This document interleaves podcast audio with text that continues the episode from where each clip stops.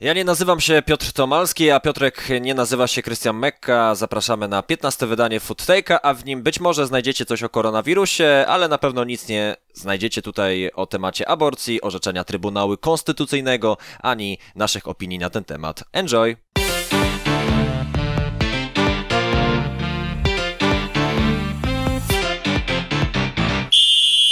Dobra, teraz już na serio. Krystian Mekka, jest ze mną Piotrek Tomalski. Dzień dobry albo dobry wieczór. Chciałem gdzieś tak, żeby, żeby trochę słuchaczy przyciągnąć do nas. Wydaje mi się, że taki wstępniak będzie dosyć celny, trafny, trafny no i dzięki temu e, część z Was, e, mamy nadzieję, uśmiechnęła się e, słuchając tego i została z nami, ponieważ e, Piotrze mamy dużo tematów. Oj, bardzo wiele tematów, bardzo wiele się działo. Ciągle się coś dzieje w piłce. Tu Liga Mistrzów, tu Liga Europy, tu jakieś kontrowersje ze wszystkim związane. Ciągle się coś dzieje. E, no to dobra, to rozpocznijmy od tego, co wydarzyło się de facto wczoraj, bo dzisiaj muszę Wam, drodzy słuchacze, powiedzieć, że wydarzyła się prawdopodobnie historyczna chwila w historii Foodtake'a, e, Foodtake'a i Hottake'a w sumie, bo nie wiem, czy którykolwiek podcast był nagrany w dzień, kiedy jest premiera. Wydaje mi się, że mm. chyba takiego dnia nie było. Punch Club miał coś takiego? Ha, bo to raz.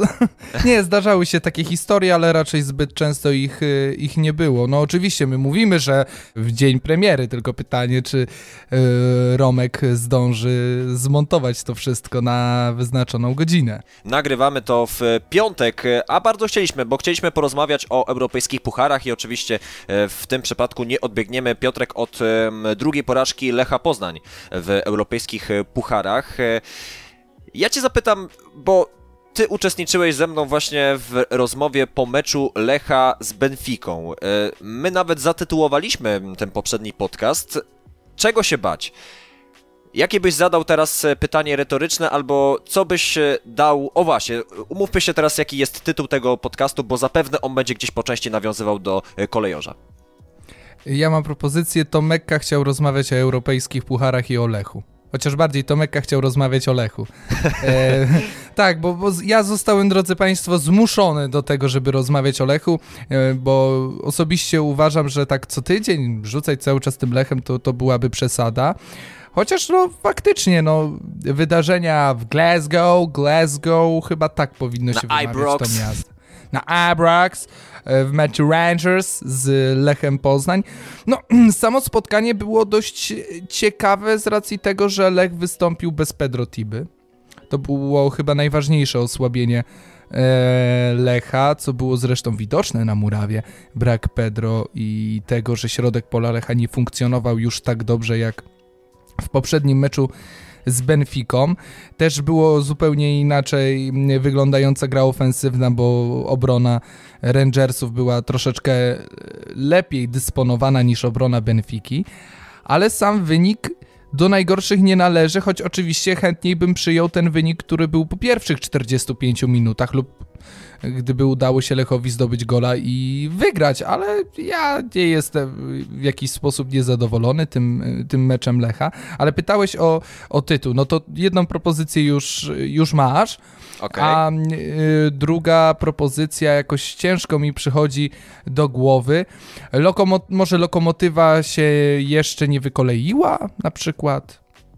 Ja, nie, ja jestem słaby w tytuły, e, tak, także... no, lokomotywa jeszcze się nie wykoleiła. No dobra, to jest gdzieś wersja, wersja robocza, już sami w sumie nasi słuchacze, jeżeli tego słuchacie, no to, no to już się dowiedzieliście, jaki jest ostateczny e, tytuł. Wiesz co, y, ja, ja pokusiłem się o taką e, hipotezę, mm, albo inaczej, nawet wniosek po tym meczu z Rangersami, że dopiero teraz doceniłem, jak Benfica była słaba w obronie po prostu e, w Poznaniu, w porównaniu do tego, co zaprezentowali w defensywie Tavernier, Goldson, e, Balogun, Barisic. E, naprawdę bardzo dobra gra w defensywie zespołu Stevena Gerrarda i nie jest to przypadkowe, że no, w przeciągu 17 ostatnich gier w tym sezonie oni aż 14-krotnie zachowali czyste konto. No tak, ich defensywa jest naprawdę twarda, mocna, zdecydowana, ale przede wszystkim nie robi tego, co jej trener w pewnym pamiętnym spotkaniu z Chelsea, co, co doskonale pewnie pamiętasz. Wiedziałem, że, że będziesz chciał mnie za to y, ukrócić, ale fakt, y, obrona Rangersów y, jest jak na poziom Ligi Europy i Ligi Szkockiej. Naprawdę solidna i to może dać Rangersom naprawdę mm, dalekie dalekie zajście, może to jest źle, źle zbudowane zdanie, ale mogą zejść daleko z taką defensywą, bo jednak pamiętajmy, że zawsze coś z przodu może, tra- może wpaść, ale lepiej, żeby nic nie wpadło do naszej bramki, bo zawsze to będzie to 0-0, nawet w najgorszym wypadku. No i dzięki temu em, można dojść do dogrywki, do, do rzutów karnych, tam jest oczywiście loteria i można zajść em, jak najdalej. No i może właśnie Lech powinien też spojrzeć troszeczkę na to, co jak wygląda defensywa e, Rangersów i na niej się zacząć wzorować. Wiadomo, że y, to nie uda się w Lechu stworzyć z szatki Goldsona, z Rogne e, Baloguna czy z Czerwińskiego Tawerniera, ale zawsze można podpatrzeć, poszukać, w jakiś sposób e, po prostu ustawiać też swoją defensywę w taki, a nie, w taki, a nie inny po prostu sposób. Choć i tak ja jestem z defensywy Lecha zadowolony, bo wyglądała troszeczkę inaczej niż w tym poprzednim spotkaniu. No i widać, że jednak Szatka i e, Rogne to jednak zupełnie inni zawodnicy niż chociażby Krnomarkowicz e, czy Dejewski z poprzedniego spotkania, gdzie Lech z Benfiką dostał czwóreczkę, tutaj dostali tylko 1-0 i to na stadionie rywala. Kto wie, może w Poznaniu będzie o wiele, o wiele lepiej, bo zawsze u siebie gra się zupełnie inaczej, zna się doskonale stadion, murawę. Oczywiście nie będzie wsparcia kibiców, ale zawsze, zawsze jednak ta własna murawa troszeczkę pomaga.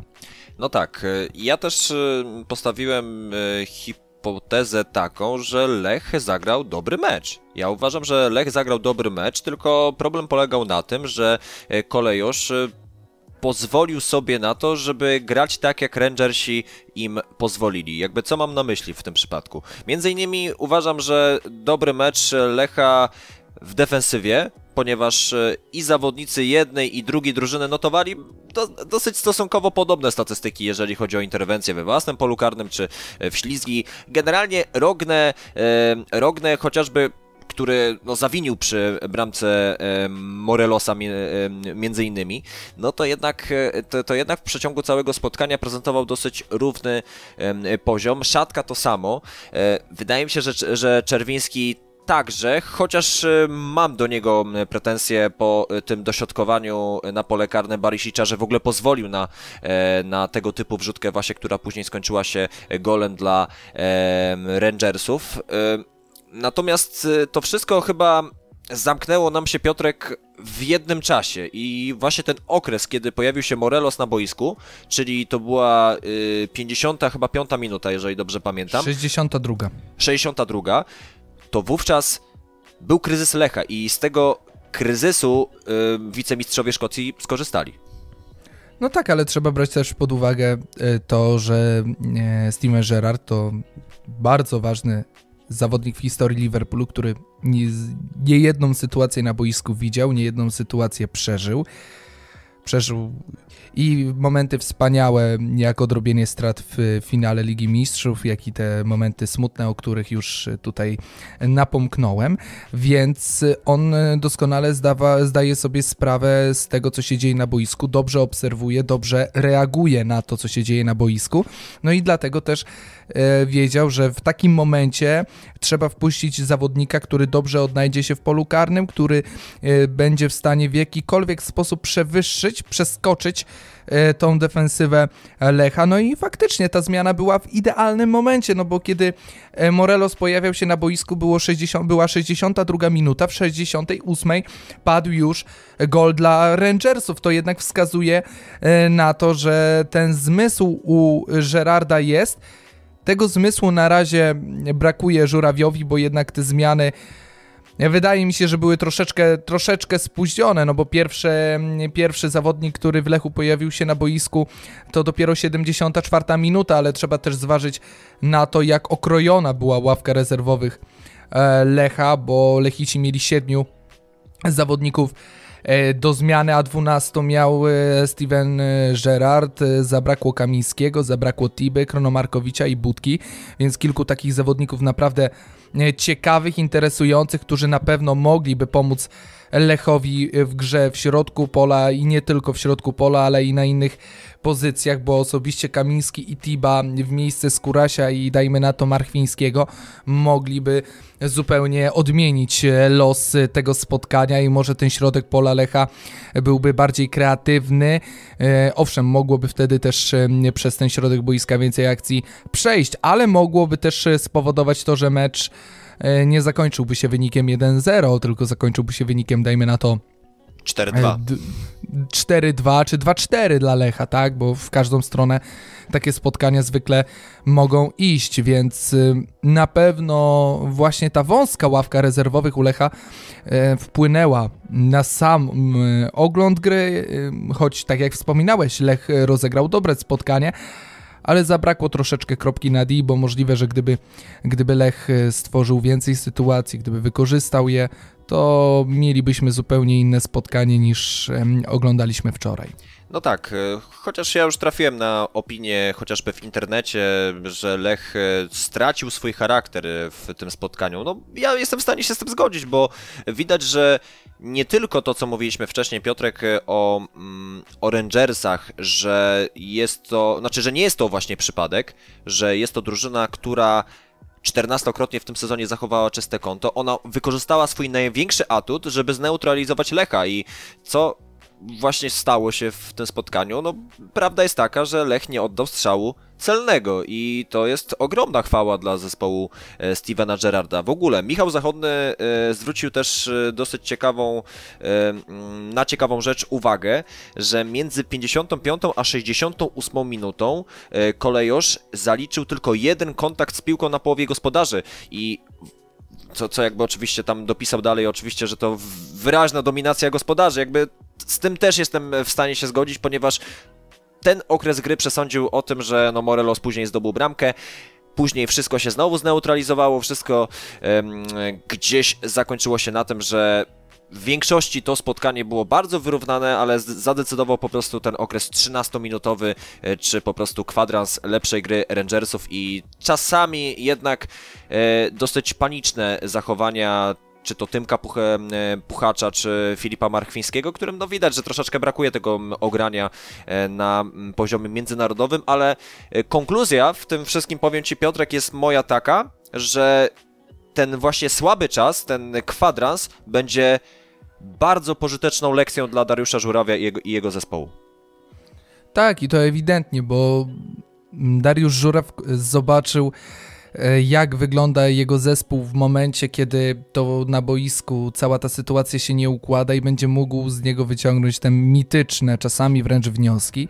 I Nawet powiem inaczej... ci, że Gerard go trochę przechytrzył. No tak, no wiesz, no przecież y, trzeba brać pod uwagę to, że każdy trener chce przeskoczyć drugiego. No nawet jeżeli dasz mu rogalika, to nie oznacza, że, że wiesz, że on się ułoży, tak?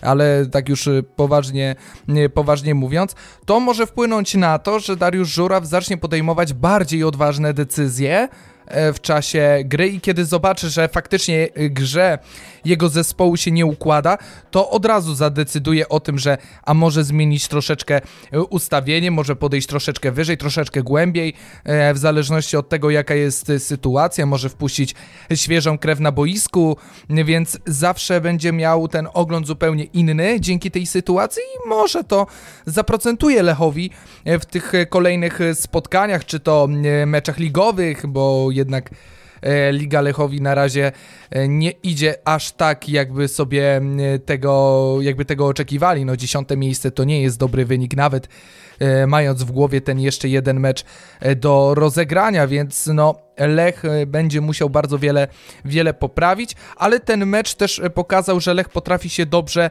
bronić, w miarę dobrze, no bo stracili bramkę, ale stracili jedną bramkę, po dobrej grze defensywnej i to też może im pomóc później właśnie też ligowo, bo jednak Lech e, w ciągu tego sezonu e, stracił 11 goli. Le, gorsi od niego, gorsza od niego jest tylko Wisła Kraków, Wisła Płock i żeby cię nie skłamać, e, Podbeskidzie i e, Piast Gliwice. No Podbeskidzie to wiadomo, inny, inny poziom. A, i chyba jeszcze Stal Mielec, ale mimo wszystko, no to nie jest to najlepszy, najlepszy wynik e, dla Lecha i też powinni się troszeczkę skupić nad tym bronieniem, nie tylko na zdobywaniem, ale i na broń, nad bronieniem powinni popracować, więc te, te kilka, kilkanaście minut tego e, dramatu szkockiego może im e, pomóc w najbliższej przyszłości. Tak, e, ja myślę, że akurat e, w Lechu udowodnili, y, udowodnili już nie, nie, niejednokrotnie w tym sezonie i no, zwłaszcza w tym, w tym sezonie, że e, wnioski akurat potrafią wyciągać i jestem bardzo ciekawy, co kolejosz zaprezentuje przeciwko no, standardowi Lierz, który, z którym zresztą będą teraz tak zwany dwumecz e, grać w e, swojej grupie. Ja myślę, że temat Lecha możemy sobie już, już zostawić, został on omówiony, tak jeszcze trzymając się europejskich pucharów. Taka krótka, krótka piłka bym powiedział, powiedział. E, było jakieś takie spotkanie, czy występ drużyny, która cię mocno zaskoczyła, tak pozytywnie bądź negatywnie? Był jakiś wynik, który cię mocno zaskoczył? Jeżeli tak, to dlaczego? Jeżeli nie, to też powiedz dlaczego. Mm, wiesz co, zależy czy mówimy o Lidze Europy, czy mówimy o Europejskie Puchary, masz Ogólnie. pełny wybór. Dzięk bardzo dziękuję. E, zaskakują mnie bardzo pozytywnie wyniki e, chociażby Szachtara Donieck. To jest lider grupy, w której są trzy naprawdę silne zespoły, nie licząc Szachtara, czyli Real, Inter i e, Borussia Mönchengladbach. Szachtar był w stanie wygrać z Realem, był w stanie zremisować z Interem. W kolejnej kolejce będą mierzyć się z mm, Borussią Mönchengladbach, więc e, to też nie będzie dla nich łatwy mecz. A mimo tego, że już od kilku dobrych lat nie mają własnego stadionu z racji sytuacji geopolitycznej e, na Ukrainie, z racji tego, że też aż tylu pieniędzy no klub nie może właśnie z racji tego też mieć, to naprawdę robią na mnie bardzo pozytywne e, wrażenie. Ogólnie cała ukraińska piłka, jeżeli chodzi o europejskie puchary, robi na mnie całkiem niezłe wrażenie. Ale Oczywiście Dynamo, Dynamo, Dynamo remisuje z Ferenc... bardzo. Oczywiście Dinamo zremisowało z Ferencvaros, przegrało z Juventusem, ale mimo wszystko awansowali do tej Ligi Mistrzów, co w ostatnich latach raczej standardem e, nie było, więc dla mnie zawsze akurat e, to jest taki miły, pozytywny akcencik e, dla nich. No i na pewno też warto, warto tutaj e, schylić czoła e, przed drużyną Antwerpii, która pokonała Tottenham w wczorajszym spotkaniu Ligi Europy, bo to też był wynik bardzo zaskakujący. Przynajmniej dla mnie nie spodziewałem się takiego obrotu spraw. No i podobnie też tyczy się to Slawii Praga, która pokonała jednak Bayer Leverkusen, oczywiście Bayer e, kończył mecz e, w osłabieniu, ale mimo wszystko zwycięstwo Slawi, e, Slawi Praga to dla mnie też taki miły akcencik. A mnie akurat porażka Leverkusen mocno nie zaskoczyła, głównie znając klasę Slawii i też mimo wszystko Bayer, który za Petera Boscha potrafi zagrać naprawdę znakomite trzy spotkania z rzędu i później sknocić trzy kolejne. No to jest taka dosyć duża sinusoida, jeżeli chodzi o zespół aptekarzy. E, zresztą, jeżeli mogę jeszcze słowo no. a propos aptekarzy, też trzeba brać pod uwagę to, że oni grali e, od 22 minuty tak, w osłabieniu, do tego nie mieli w składzie m.in. Ariasa, Rangiza, e, Larsa Bendera czy Patryka Shika, więc to były całkiem duże osłabienia. To była historia podobna do Lecha czyli też mieli bardzo ograniczoną ławkę rezerwowych i też e, mieli z tego tytułu spore kłopoty, no bo dwóch bramkarzy pojawiło się na ławce rezerwowych Bayeru Leverkusen, więc to raczej nie był dobry, dobry sygnał. Jednak wiele klubów w tej chwili boryka się właśnie z tymi problemami kadrowymi, chociażby e, Lazio, które chyba nie mogło wystawić, miało czasami, miało chyba problem nawet wystawić pełny skład na e, mecz Ligi Mistrzów, bodajże z Klub Bryż, który zremisowali, więc to też pokazuje jak duże, jak duże kłopoty mają niektóre, te duże, te ważne zespoły. Właśnie z racji tego, czy to kontuzji, czy to z racji tej mędy wirusa, która nadal panoszy się po całym świecie. Menda wirus, piękne, piękne yy, Od dzisiaj tak go będziemy nazywać. Menda tak, Menda, Mendawirus, tak, o Mendawirusie. Albo, o właśnie, tytuł y, Foodtake'a to będzie nie o Mendawirusie. To, to, co ty na to? Y, nie o Mendawirusie, to, to byłoby dobre. Tak, tak zgadzam to, się. To, Przyjmuję byłoby... tą propozycję. Ja też to przyjmuję, więc e, słuchacie podcastu właśnie pod e, takim e, tytułem. W ogóle sobie sprawdziłem sobie, bo jakby przyznaję i pewnie ty też przyznasz, że meczu Slawii z Bayerem Leverkusen nie, nie oglądaliśmy jeszcze. Natomiast, natomiast jakby prawda jest taka w przypadku aptekarza, że w mojej opinii oni od dłuższego czasu mają duże problemy w ofensywie. Nie poprę tego statystyk, statystykami, bardziej mm, uargumentuję to tym, że po prostu no, nie mają napastnika klasy, nawet bym powiedział, europejskiej. Jest to solidny, solidny napastnik, który czasami strzeli w Bundeslidze, czyli Lucas Alario. Poza tym Belarabi, który jest dosyć ograniczony, szybki, gra znakomite mecze, ale jest dosyć ograniczony. Diaby, zresztą ten Alario po czerwonej kartce Belarabiego z pierwszej połowy opuścił boisko w 46 minucie i wszedł Leon Bailey, który no jednak no, jak przechodził te cztery 5 lat temu, jeżeli dobrze pamiętam, do Bayeru, to jednak były duże oczekiwania wobec tego młodego chłopaka. No tam jest problem ofensywny, ale zostawmy ten Bayer Leverkusen. Ja, ja ci powiem, że w przypadku europejskich pucharów najbardziej mm, pozytywnie zaskoczyły mnie, a właściwie jedna drużyna mnie zaskoczyła i to była Barcelona. Barcelona. I to właściwie znakomicie teraz przejdziemy sobie do kolejnego tematu, który chcieliśmy omówić. Właśnie w, temat, w temacie dumy Katalonii, ponieważ wydarzyła się, no, dobra nowina. Dobra nowina w przypadku y, klubu z Katalonii, bo nie ma już Bartomeu. Bartomeu był prezesem Barcelony od 6 lat.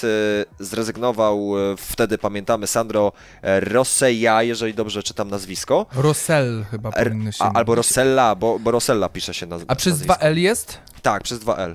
To Rossei. Rossei? No okay. Tak, 2L jak J, jak się nie mylę. Mogę zaraz wyjść i, i dopytać.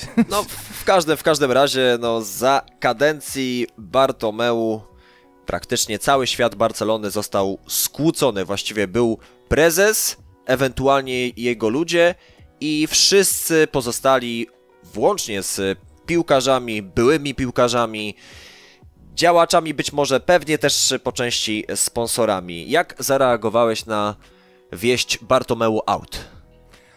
Włączyłem pewną piosenkę, oto jest dzień, który dał nam Pan.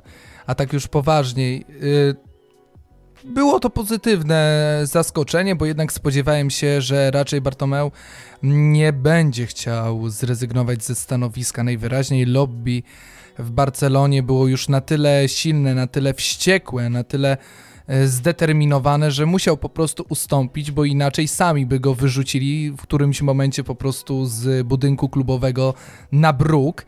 E, ale mm, e, wydaje mi się, że nawet te ostatnie mecze Barcelony, nie wszystkie oczywiście, już dawały taki sygnał, że możliwe, że jednak już jego nie będzie, bo ta Barcelona zaczęła troszeczkę inaczej grać, troszeczkę lepiej to zaczęło e, funkcjonować w dumie Katalonii e, przy trenerze Komanie i to już był taki malutki sygnalik, o, może wreszcie, może, może to już jest ten czas, może oni już wszyscy byli tak napakowani pozytywną energią, że w końcu się go pozbyli, że w końcu odejdzie, że zaczęli też grać lepiej. Na pewno to będzie bardzo ważna zmiana dla Barcelony. Pytanie jednak, czy jego następca będzie w stanie naprawić wszystkie błędy Bartomeu i czy klub y, wyjdzie na prostą i czy zacznie inaczej postrzegać futbol, wróci do tego starego postrzegania futbolu, czy nadal będziemy oglądać transfery za setki milionów euro, które ostatecznie się nie sprawdzą, bo to będzie główne zadanie nowego prezesa? Czy podąży drogą Bartomeu i będzie e, budował drużynę za grube pieniądze, czy jednak zacznie budować drużynę z innym myśleniem, z innym poszukiwaniem i z ponownym wyłuskiwaniem wielkich gwiazd? Patrząc na Komana jako trenera, jeżeli oczywiście zostanie, a wydaje mi się, że zostanie niezależnie od tego, kto będzie prezesem, to właśnie będzie ten ten moment e, idealny na zmianę patrzenia i myślenia na to, co będzie robić Duma Katalonii w najbliższych latach. Powiem Ci i też, e, drodzy słuchacze, że e, Polska Agencja Prasowa dokonała bardzo sumiennej i no zresztą no, sumienność i rzetelność e, PAP-u jest no, zawsze taka sama, czyli na bardzo wysokim poziomie, ale udało się e, właśnie dziennikarzom PAP-u e, zebrać wszystkie opinie, e, które w ostatnich dniach pojawiały się w hiszpańskich mediach. I wydaje mi się, że tutaj dochodzi dosyć do ciekawych koncepcji, dlaczego właśnie Bartomeu odszedł, no bo nie ukrywajmy, to było dosyć duże zaskoczenie, że tak nagle, chociaż może niektórzy dopatrują się tutaj przyczyny w kontekście e, El Clasico, które Barcelona przecież przegrała z Realem Madryt. I to tę przyczynę gdzieś właśnie e, starała się dopatrzeć Radio Marka, która właśnie jakby zwaliła winę po prostu na e, atmosferę wokół tej porażki. Moim zdaniem nie do końca też tak mogło być. Generalnie e, patrząc jeszcze dalej, e, dziennik Sport e, chociażby odnotował, że wpływ na decyzję władz Barcelony mógł być też taki, że klub miał zatarg z rządem wspólnoty autonomicznej Katalonii. Oczywiście, no te, mówiłeś o przypadku Ukrainy, e, gry Szachtara Donieck w Kijowie i tam sytuacja geopolityczna jest powszechnie znana. Może, znaczy, no nie, wydaje mi się, że ludzie wiedzą, co się dzieje w Katalonii, jakby jak wygląda Hiszpania od wielu lat i e, jaki jest spór na tle nie tylko etnicznym, ale też właśnie na, na tle e, politycznym, więc, więc to też mogło być to, ale także i właściwie chyba przede wszystkim Mundo Deportivo dokonało ciekawej e, mm, analizy, że Joan Laporta jest e, głównym faworytem do tego, żeby przejąć funkcję e, prezesa Barcelony, ponieważ obecny, e, obecnie panujący, a właściwie zastępujący w tej chwili Bartomeu człowiek, jeżeli... A, tutaj zanotowałem sobie, Carles Tusquets on się, na, on się nazywa i on ma tylko... Dobrze, że nie Busquets, że tak ci wejdę, bo byłoby połączenie tej Barcelony obecnej, to znaczy już schyłkowej Barcelony i tej dawnej Barcelony z Carlesem Pujolem. No właśnie, no bo nawet e, przecież tata y, Sergio też miał na imię Carles, ale to tak swoją drogą. Carles Tusquets będzie pełnił obowiązki prezesa Barcelony do momentu, a właściwie on ma przygotować wybory nowych władz. No i tutaj faworytem Mundo, Mundo Deportivo jest Laporta i to jest, przypominam, były szef Dumy Katalonii, który rządził właśnie w tym klubie od 2003 roku do 2010 roku. Ja cię nie spytam, co myślisz o, y, o Laporcie, chociaż akurat y, pewnie też to ujmiesz, ale twoim zdaniem to jest gdzieś ten krok do przodu, albo inaczej, nawet powód do tego, żeby, nie wiem, wrócić do korzeni, do jeszcze większego egzekwowania tego, co, się, co Barcelona może mieć w swojej szkółce, czy jak ty widzisz teraz przyszłość Barcelony? Osobiście jestem pozytywnie nastawiony do takiej informacji, bo jakoś Juan Laporta zapisał się w mojej pamięci pozytywnie z racji tego, że ostatnie wielkie sukcesy Barcelony, to pasmo wielkich sukcesów zaczęło się właśnie od Laporty, bo kiedy przejmował klub w 2003 roku, klub był w innym miejscu niż jest e, obecnie. Owszem, były ściągane wielkie gwiazdy, ale te wielkie gwiazdy nie do końca w pewnym momencie dawały sukcesy. E, pojawił się Pep Guardiola, były zawodnik Barcelony na pozycji trenera.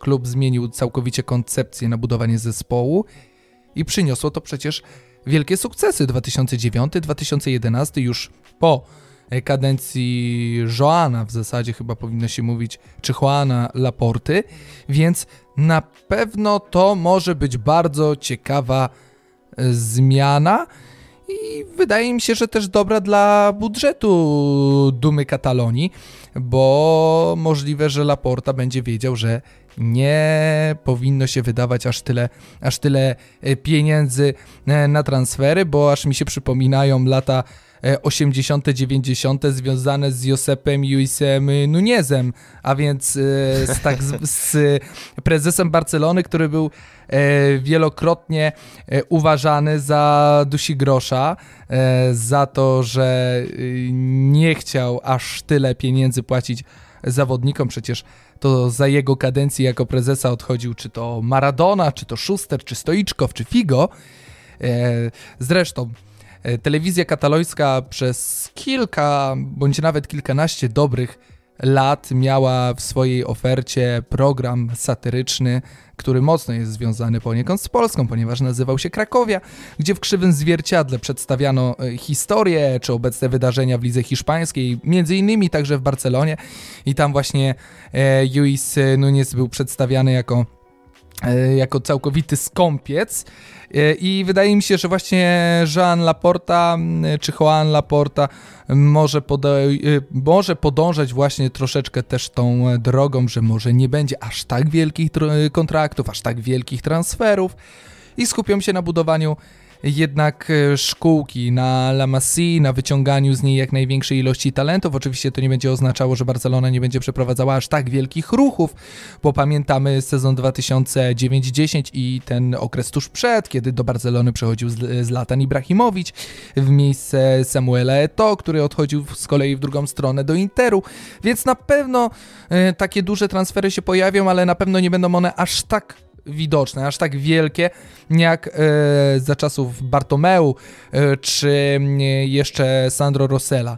No tak, e, w ogóle e, też e, podczas konferencji, którą zwołał Bartomeu, wydaje mi się, że prezes, były prezes już w tym momencie Dumy Katalonii wspomniał o dosyć istotnej rzeczy, mianowicie o europejskiej superlidze. I generalnie już wiemy, że ten twór jest coraz bardziej realny i mówi się o tym, że on ma już wystartować w przyszłym sezonie. Niedawno zresztą bodajże w Guardianie pojawił się dosyć szeroki tekst o tym, że ten, ten pomysł stworzenia alternatywy dla Ligi Mistrzów jest mocno wspierany między innymi przez Liverpool czy e, Manchester United. Bartomeu powiedział, że Barcelona jest jak najbardziej zainteresowana e, tym, żeby e, wystąpić właśnie w tym najbliższym sezonie Superligi. Nie do końca jakby mm, rozumiem y, jakby ten twór i nie wiem, czy to ma być już tak w 100%, że te najlepsze zespoły z top 5 wycofają się z Ligi Mistrzów i e, zagrają po prostu w Europejskiej Superlidze i będziemy mieli coś na wzór tego, co jest w, kosz w koszykówce, a więc, że będziemy mieli bardzo różne e, mm, rozgrywki europejskie, jak mamy Euroligę, mamy Eurocup, mamy Champions League, który jest, y, no patrząc na, dla tych mniej zorientowanych, no to Champions League jest trzecim poziomem rozgrywkowym w Europie. Mamy jeszcze przecież, e, przecież e, bodajże Challenge Cup, e, jeżeli dobrze pamiętam nazwę, więc no generalnie dużo się dzieje. W piłce ręcznej jest całkiem podobnie, zresztą tam też pojawił się dłuższy czas temu pomysł stworzenia coś na wzór właśnie e, Turkish Airlines e, Eurolika, więc właśnie e, ligi, e, ligi dla tej elity. No i mm, ja ci powiem tak, ja nie wiem, co mam twierdzić na temat Superligi, ponieważ ja myślę, że zmierzamy w taką stronę, że nie ma sensu mocno trzymać się Ligi Mistrzów, e, ponieważ ona i tak straciła swój charakter już, jeżeli mamy być takimi idealistami, romantykami, e, ona straciła swój charakter w momencie, kiedy Liga Mistrzów wpuszcza e, albo daje możliwość kwalifikacji zespołom, które no jednak nie są mistrzami, więc jakby sama nazwa się wyklucza. Czy twoim zdaniem coś, co prawdopodobnie będzie ogromnym przełomem w piłce nożnej wpłynie na to, że ta piłka będzie, nie wiem, mniej atrakcyjna? Nie tyle, co będzie mniej atrakcyjna, co będzie jej po prostu za dużo, bo bądźmy szczerzy, Superliga będzie poza UEFA. UEFA nie przyłoży do niej ręki, bo wie, że to nie będzie to jest dla niej korzystne. Tak jest. To będzie dla niej konkurencja.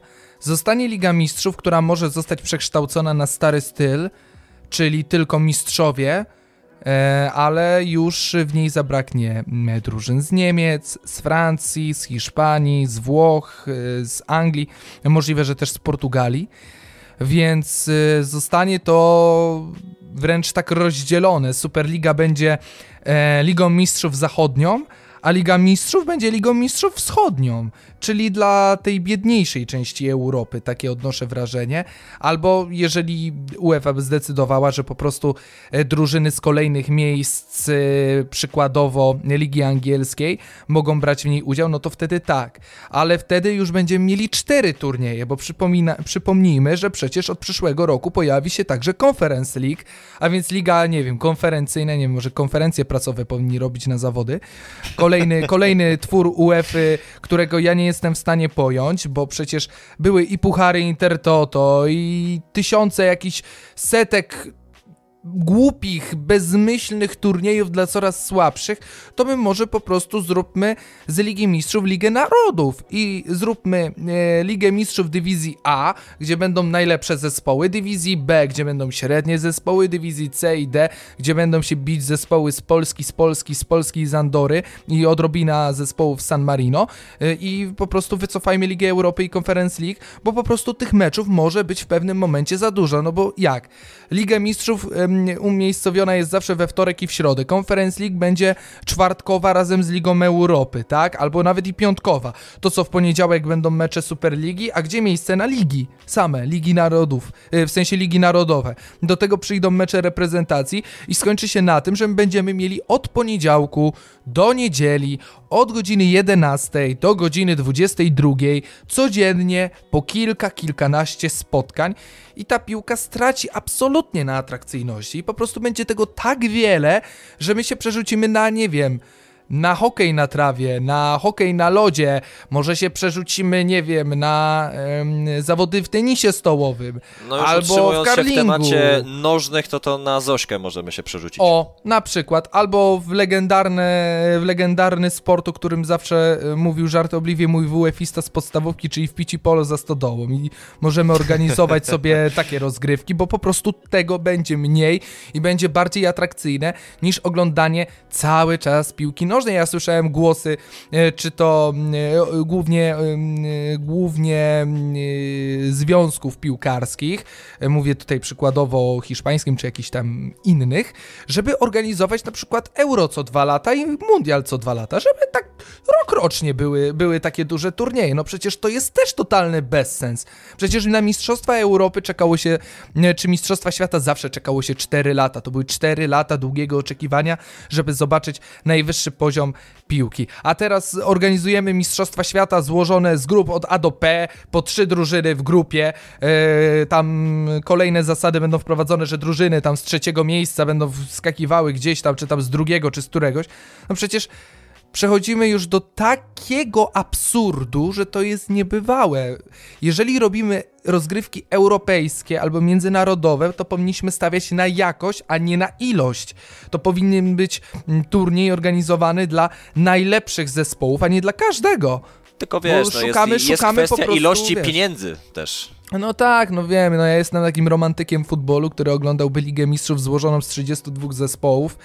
Yy, z 32 samych, krajów. Y, z 32 krajów, dokładnie tak. Y, oglądałbym Mistrzostwa Europy złożone z 16 ekip najlepszych na świecie, Mistrzostwa Świata złożone, nie wiem, też z 32 y, najlepszych ekip na świecie, które przechodziłyby ciężkie eliminacje i dopiero na turnieju finałowym byśmy oglądali porządne, poważne spotkania, a nie mecze, nie wiem, E, Korei Północnej z reprezentacją Wysp Zielonego Przylądka, bo niedługo pewnie i do tego absurdu dojdzie, że albo, będziemy Albo Wyspami taki... Marszala, które dzisiaj oficjalnie zostały ostat... No, no, właściwie w tej chwili już nie ma kraju na świecie, którego nienawidził kor koronawirus. No właśnie, miał nie być o Mendawirusie, a, a jednak jest. Ale Zepsułeś. fakt faktem właśnie, właśnie Wyspy Marszale e, może też zakwalifikują się na mundial. Natomiast e, podjąłeś też ważną rzecz i ty chyba też słyszałeś, słyszałeś o takim pomyśle, że jeżeli Superliga powstanie, to wówczas e, kluby te najlepsze ze swoich lig mogą zdecydować się, że wycofają się po prostu z lig krajowych i, i będą e, grać e, i poświęcać większość e, swojego czasu na ten nowy twór, na ten nowy projekt. To mi przypomina znowu koszykówkę i piłkę ręczną, ponieważ takie zjawiska już są i co by nie mówić, się sprawdzają w tym pozytywnym aspekcie, ponieważ obecnie nie ma ligi rosyjskiej w koszykówkę jest Liga VTB, e, w której między innymi, między innymi e, przecież występuje e, Zastal Enea BC Zielona Góra, a więc obecny mistrz Polski, który jest tam zapraszany i jak najbardziej lubi rywalizować na tym najwyższym poziomie, bo Zastal nie potrzebuje europejskich pucharów dzięki temu i występuje w lidze rosyjskiej, lidze VTB, w, który, w którym właśnie e, grają przecież no, Liga Rosyjska, czy po prostu zespoły rosyjskie, no to chyba nie trzeba mówić, że to są e, ekipy na tym najwyższym europejskim poziomie. W piłce ręcznej mamy e, przecież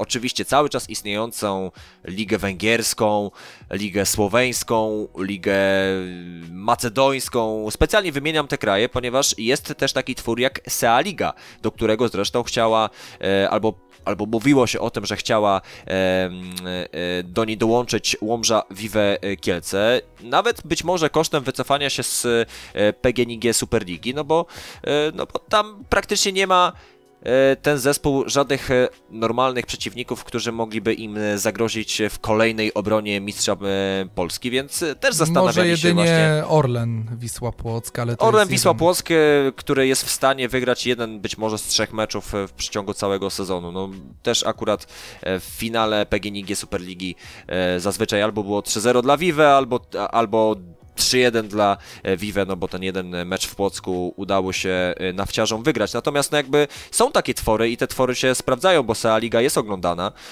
w niej występuje przecież Czelie, w niej występuje Vardar Skopie, występują zespoły z Chorwacji, występuje przecież Mieszkow Brześć, a więc w ogóle z innego zakątka Europy, z Białorusi. Więc no mówimy otworach, które pewnie na pierwszy rzut oka wyglądają dramatycznie i w naszej opinii, bo mam taką opinię, że przez to wizerunek piłki po prostu się spieprzy i jakby no nie ukrywam tego, że tak czuję, ale, ale z drugiej to delikatnie strony powiedziałeś. Jestem, jestem jednocześnie też ciekawy, czy to spowoduje, e, czy, czy to spowoduje, że piłka nożna będzie po prostu tragiczna do oglądania. No bo ty mówiłeś o terminarzu. Jeżeli będzie Superliga, to ja uważam, że wówczas taki Liverpool czy Barcelona będą brnęły w to, żeby się wycofać z Premier League i La Ligi i tak samo w kontekście innych zespołów. Nie byłbym do końca przekonany. Z jednego powodu. Przede wszystkim chodzi mi tu o kluby angielskie. No tak, no bo mają du dużo spraw telewizyjnych, prawda? Dokładnie. Nie wydaje mi się, żeby Superliga była w stanie wygenerować aż takie zyski jak Premier League, żeby te kluby otrzymywały taką kasę. To raz. Ciągłe mecze najlepszych zespołów ze sobą w pewnym momencie zaczną się nudzić, bo ja to widzę przykładowo po sobie. Ja kiedy słyszę, że jest El Clasico, to ja tak, hmm, super, odpalę sobie ekstraklasę, będzie ciekawiej. To samo jest y, czasami już z rewir derby, czasami tak samo jest z meczami Liverpoolu z Manchesterem United, czy derbami Manchesteru, czy derbami Liverpoolu. Potrzebna jest różnorodność, potrzebna jest zmiana, potrzebny jest przemiał. Powinny być takie spotkania jak Real Madryt, Szachtar Donieck, potrzebne są takie spotkania jak Barcelona, Ferencvaros, czy lata temu Wisła Kraków rywalizująca czy to z Realem, czy z Barceloną, czy z innymi silnymi zespołami. To jest potrzebne bo e, wiele, e, bo do wielu państw po prostu wtedy lepiej nawet ta piłka dotrze, bo kiedy e, Real gra z Barceloną, to na przykład węgierskiego kibica może to do końca nie interesować, tak? Tego takiego niedzielnego węgierskiego kibica. Ale kiedy do, na mecz z Ferencvaros przyjeżdża Barcelona, to wtedy o, Ferencvaros gra. Idę sobie włączyć i obejrzeć. Mniej więcej na takiej zasadzie to działa.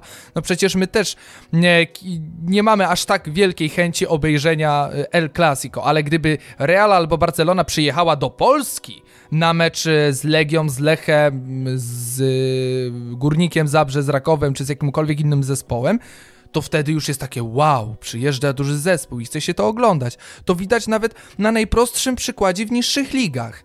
Kiedy mamy mecz A-klasy między jedną a drugą drużyną, no to przyjdzie 20-30 osób obejrzeć ten mecz, tak? Ale kiedy jest jakiś mecz jubileuszowy tej drużyny A-klasowej i jest zaproszona nawet drużyna rezerw, dajmy na to, nie wiem, jakiś Wisły Kraków czy czegokolwiek, to jest cały stadion. Jest pełny stadion, bo chcą zobaczyć tych najlepszych w starciu z tymi maluczkimi. I właśnie to może napędzać piłkę, a taka Superliga tak to spolaryzuje, że po prostu w pewnym momencie powiedzą eh, znowu mecz Barcelona-Manchester United, to już się zrobiło nudne. Idę dalej. To jest wiesz tak co, samo jak ciągle ten sam jeden zespół cały czas gra w finale Ligi Mistrzów i jest zbyt silny, tak? To już, o Jezu, znowu ten Real w finale, już mam dość. No i tylko grupa kibiców Realu się cieszy, a reszta, o Jezu, znowu oni. Ja jestem, ja jestem ciekaw, czy ten eksperyment e, wypali tak jak Euroliga właśnie w koszykówce, bo e, te spotkania e, w Eurolidze chce się oglądać i one są bardzo interesujące. No, przecież to, to jest liga, która jest zamknięta. Tam gra cały czas ten sam zestaw zespołów. Oczywiście on, tam te zespoły się zmieniają w związku z jakimiś zasadami. E, Z pewnością chłopaki z pick and rolla mogliby jeszcze więcej o tym powiedzieć, ale, e, ale tam jednak są, jest stała ekipa w większości, więc no, mówiąc e, szczerze, int- interesujący jest ten projekt. Widzę w nim trochę zagrożenie, ale wydaje mi się, że jest też e, prawdopodobieństwo, że dzięki niemu spojrzymy trochę inaczej na e, świat sportu. Tak? No, jakby tak samo jak e, musieli pewnie przestawić się fani basketu. To tak już powoli też kończąc podcast, który chcieliśmy zamknąć tak w maksymalnie 50 minutach. Wracając do Barcelony, bo właśnie o tej Superlidze powiedzieliśmy tak podsumowując, wyszliśmy od Bartomeu. Bartomeu skłócił się ze wszystkimi, właściwie nawet myślę, że tutaj najlepiej to byłoby zacytować Dawida Szymczaka ze Sport.pl. Josep Maria Bartomeu na zawsze będzie tym prezesem, który obrzydził Barcelonę Lionelowi Messiemu. Z czasem pewnie wielu mu zapomną, że opłacił hej- hejterów, by atakowali nieprzychylne jemu legendy klubu, że sprzedał Neymara, a w jego miejsce kupował niewłaściwych piłkarzy za blisko 400 milionów euro i że był oskarżony o korupcję. I także wiele A i tam ładnie innych zgaszony pecik. no zgaszony pecik bardzo mocno i jeszcze w samym tekście, który oczywiście z Piotrkiem polecamy, em, ponieważ Dawid ma świetne pióro, mm, że także tam w, mówiono między innymi o tym, tak trochę zawiesiłem się, bo zastanawiałem się, czy też jakoś tutaj mm, kolejnego peta nie zgasić, ale raczej mi to nie wyjdzie, ponieważ widocznie nie. Widocznie nie jestem aż tak błyskotliwy, ale Andres Iniesta przecież opuścił Barcelonę, bo nie chciał kończyć kariery na Camp Nou i jak napisał Dawid, uciekł aż do Japonii. Xavi Hernandez nie chciał wrócić z Kataru, dopóki będzie w klubie. Carles Puyol odszedł z Barcelony w ramach e, Solidarności z Andonim Zubizarettą, który pamiętamy też opuścił Barcelonę w związku z konfliktem z Josepem Marią Bartomeu. Pika nie kryje się w wywiadach, e, że nie lubi e, prezesa i że prezes oszukał wielokrotnie zespół. Messi, wiadomo, to jest najbardziej nagłośniona sprawa. Dani Alves, Rakitic, czy nawet Sergio Busquets także e, mówiono o Bartomeu w e, dosyć, no nie do końca e, sa, w samych superlatywach, raczej odwrotnie. W szatni Barcelony to też e, zresztą Dawid napisał, ale widziałem o tym, widziałem to kiedyś w innym tekście e, i w innym filmie, że w szatni Barcelony nazy nazywało się Bartomeu Nobita, czyli po prostu niespecjalnie rozgarnięta leniwa, mało inteligentna, słaba w nauce i w sporcie osoba, więc no naprawdę... Myślałem, że e, powiesz małpa już, by tak ładnie pasowało do Znaczy niej. to jest postać, e, jak, e, e, jak udało mi się znaleźć, że to jest postać z mangi w ogóle, a akurat mangą się nie do końca interesuje, więc dlatego to było dla mnie takie zaskoczenie. Bartomeu out i zobaczymy, kiedy będą wybory w Barcelonie i kto wejdzie na jego miejsce. No Barceloną się interesujemy z prostego powodu, no bo to jest jeden z największych klubów po prostu w Europie i leży nam na sercu to, żeby jednak Duma Katalonii, która roztacza wokół siebie naprawdę bardzo, bardzo fajną aurę, zawsze roztaczała bardzo fajną aurę i mamy nadzieję, że wróci ten zespół na, naj, na najwyższy poziom, ponieważ Zacząłem od e, jakby pozytywnego za zaskoczenia w tym tygodniu w Lidze Mistrzów, czy w ogóle w europejskich pucharach od Juventusu z Barceloną, bo naprawdę Barcelona z Juventusem, powiem Ci, moim zdaniem zagrała perfekcyjny mecz. Naprawdę zawodnicy byli pobudzeni, skupieni, skoncentrowani na wariantach taktycznych, świetnie przewidywali e, sytuacje na boisku. No mówiąc szczerze, De Jong e, i obok niego występujący nawet Sergio Busquets wyglądali przy no przy właściwie tym środku pola, który wystawił Andrea Pirlo, no jak no mimo wszystko mistrz i uczeń, tak to widziałem. No, bardzo prawdopodobne akurat.